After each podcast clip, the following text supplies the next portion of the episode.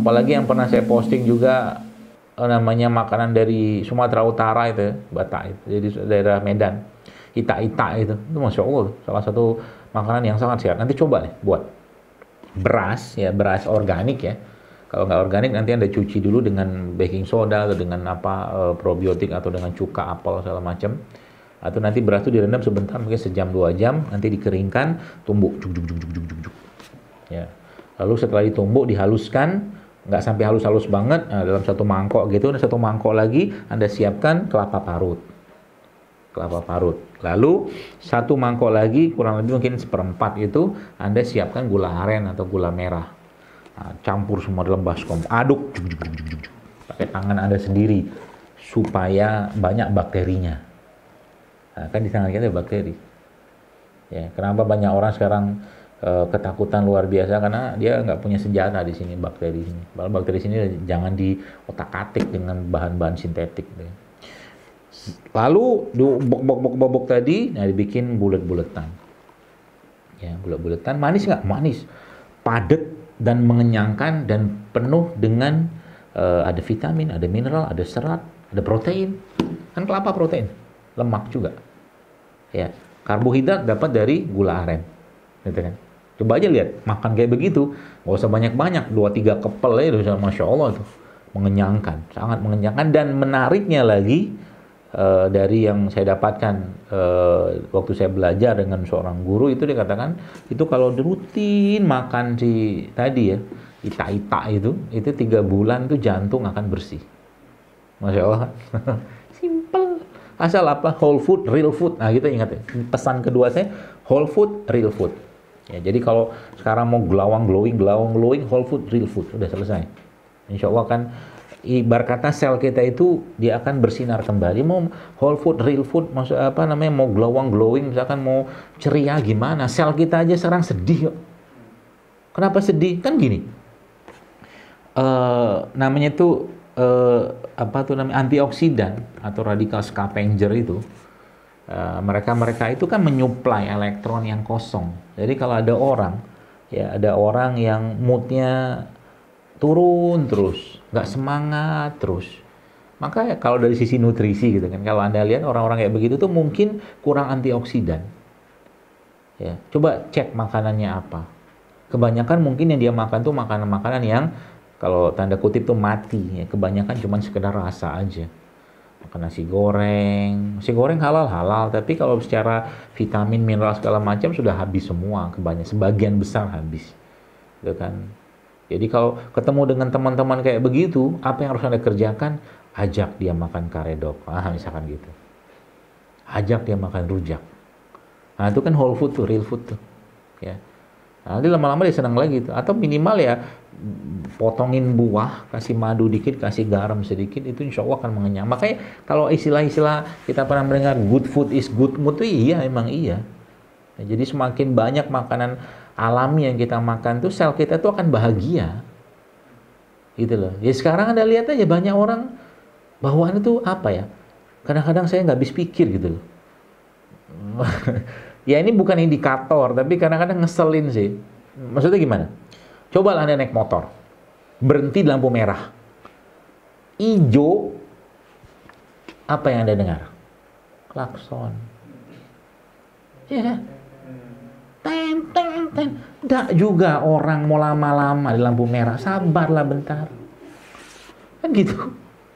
Tidak juga orang mau baca Al-Baqarah di lampu merah tuh ya tunggulah sebentar orang bakal jalan. Kalau kecuali memang ban bocor kayak motor nggak nyala tunggulah bentar. Di klakson itu kayak dipakai untuk apa ya meluapkan perasaan gitu loh ketidaksabaran. Nah, coba dicek tuh kira-kira paginya sebelum berangkat kantor makan apa itu. Saya yakin tidak banyak makanan-makanan sehat yang dia makan. Karena emang apa ya behavior sikap Bahkan attitude kita itu dipengaruhi oleh apa yang kita makan. Ulama-ulama dulu sambil dulu ngomong kayak begitu semua, sama bahasanya.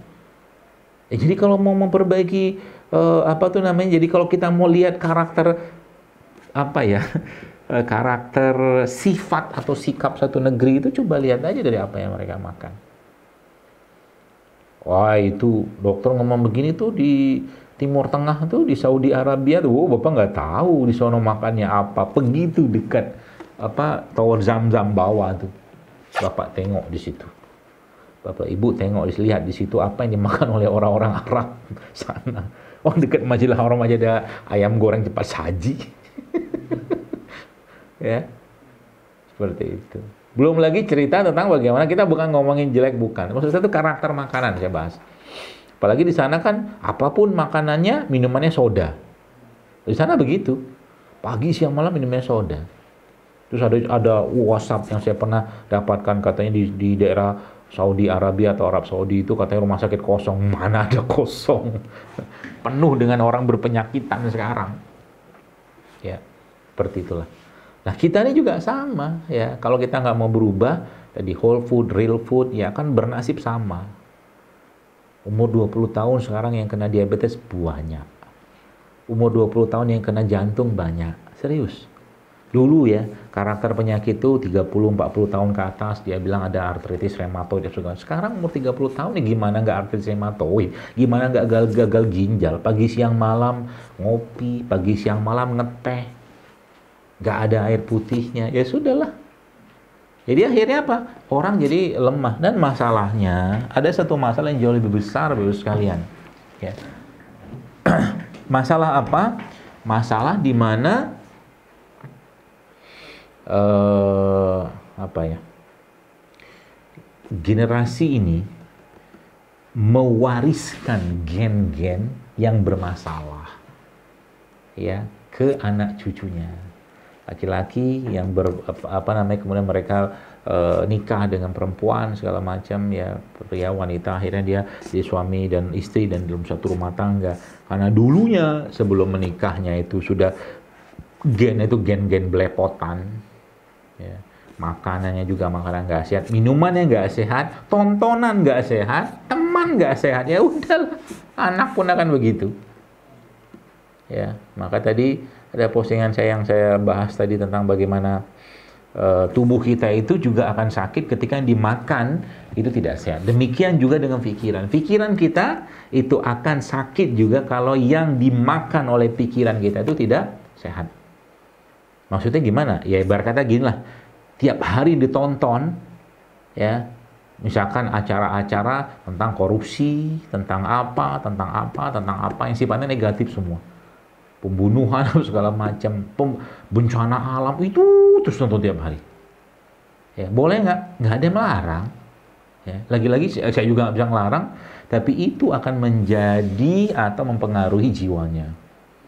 Lain cerita kalau dia misalkan dia tonton misalkan kajian-kajian Islam misalkan. Atau mungkin lihat pemandangan lihat teknologi lihat sesuatu yang positif gitu kan. Maka jiwanya pun akan positif dan yang menyedihkan itu ternyata penyakit-penyakit yang berhubungan dengan hati atau kejiwaan atau pikiran ini jauh lebih berat daripada penyakit yang berhubungan dengan fisik. Itu masalahnya. Ya. Udah jauh dari Al-Quran. Sholat sering telat. Sedekah kalau ingat. Ya, sholat malam sering lewat. Dan seterusnya gitu kan. Makan pun bermasalah. Ya udahlah komplit. Plus gitu. Mau jadi apa nih generasi kita sekalian? Gak kenal dengan ya madu seperti nggak kenal, nggak kenal katalah dengan produk-produk ya bosoda begini-begini. Ini dimakan apa ya gitu gitulah. Akhirnya apa? Gennya kalau kata dokter Hiromisinya itu uh, gen yang proteinnya itu cacat kata dia gitu loh. Jadi ada yang nggak berpasangan. Maka nggak heran anak-anak zaman sekarang itu ada sebagian, Alhamdulillah semoga Allah jaga generasi ini. Itu subhanallah ya, banyak yang bermasalah ketika lahir. Jadi Bapak Ibu jangan berpikir urusan makan segala macam kesehatan bukan urusan urusan sederhana urusan. Sekarang ini lihat di COVID. Males saya nggak usah ngomong COVID deh karena kalau di kalau ngomong COVID gitu kan di Instagram di Facebook itu langsung di ban. Iya. Ngomongnya virus ada. Pakai P karena kita lagi berada di tanah Sunda. Bekasi kan Tunda. Virus. Kalau COVID pakainya K K O P I T COVID nah, gitu. itu nggak di band kalau gitu kayaknya kelihatan di wabah ini katakanlah ya kita bisa menilai betapa lemahnya imun kita sekarang ya kan betapa lemahnya imun kita dan betapa lemahnya iman kita sekarang. Udah kelihatan kok. Terbaca semua. Ya. Jadi si COVID ini ya, si virus ini itu ibarat kata uh, apa ya? asesor gitu kan. Oh, ini entitas tawan semua. Lemahnya imun dan imannya kita zaman sekarang. Ya. Dan orang-orang yang kena pun ya Ya, semoga Allah ampuni mereka, tentunya kita mendoakan dan semoga yang sehat, yang sakit pun kita doakan sembuh dan semoga yang sehat kita Allah jaga ya. Tapi ya saya ceritanya itu pengen, ayo kita sadar gitu loh. Gak pakai masker denda 50 ribu. Kenapa nggak mendenda? Kadang-kadang saya begitu kan. Kenapa nggak didenda juga orang yang makan yang orang yang makan nggak sehat tuh harus didenda juga tuh. Orang pakai masker apakah menjamin? Nggak juga karena imunitas, oke okay lah pakai masker. Saya nggak melarang, bagus pakai masker, protokol segala macam. Tapi kita nggak berpikir bahwa imunitas itu bukan cuma sekedar pakai masker face shield. Imunitas itu ternyata letaknya ada pada pencernaan. Pencernaan nggak dijaga, pagi, siang, malam masih juga makan begitu. Ya sudah, buka pintu lebar-lebar, ah, si kopat kopit masuk. itu kan? Akhirnya apa? Gak kuat badannya. Dan sekarang ternyata terbukti. Ya, terlepas dari isu apa pun berkaitan dengan virus ini sekarang katanya menyerang pencernaan segala macam, ya udah, kita mau ngapain lagi? Intinya apa? Ayo siap sedia, bersiaga. Baik, jadi Bapak sekalian, tadi ya saya katakan ya bahwa imunitas kita itu memang letaknya daripada pencernaan. Maka tergantung ya tergantung bagaimana kita menjaga pencernaan kita ini ya dengan cara apa tadi ya? Tadi kota kunci itu whole food, real food, whole food, real food itu aja. Ya. Itu salah satu caranya. Dan lakukan ya, di samping ya ada protokol kesehatan udah ikutin saja silakan ya. Tapi yang perlu kita pahami juga ayolah kita juga ikutin protokol-protokol syariat. Nah, gitu kan. Atau petunjuk dari Allah dalam Al-Qur'an dan sunnah-sunnah Nabi Shallallahu alaihi wasallam.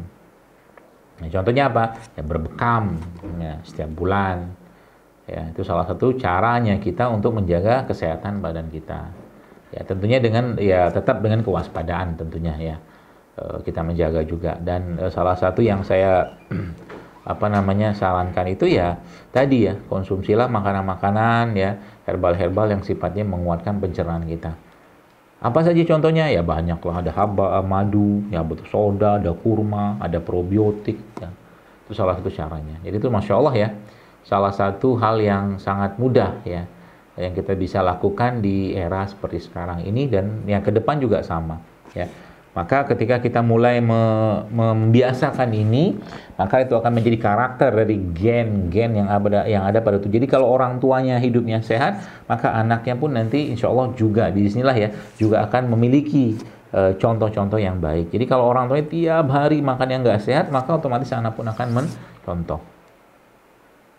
Anak akan mencontoh. Seperti itu.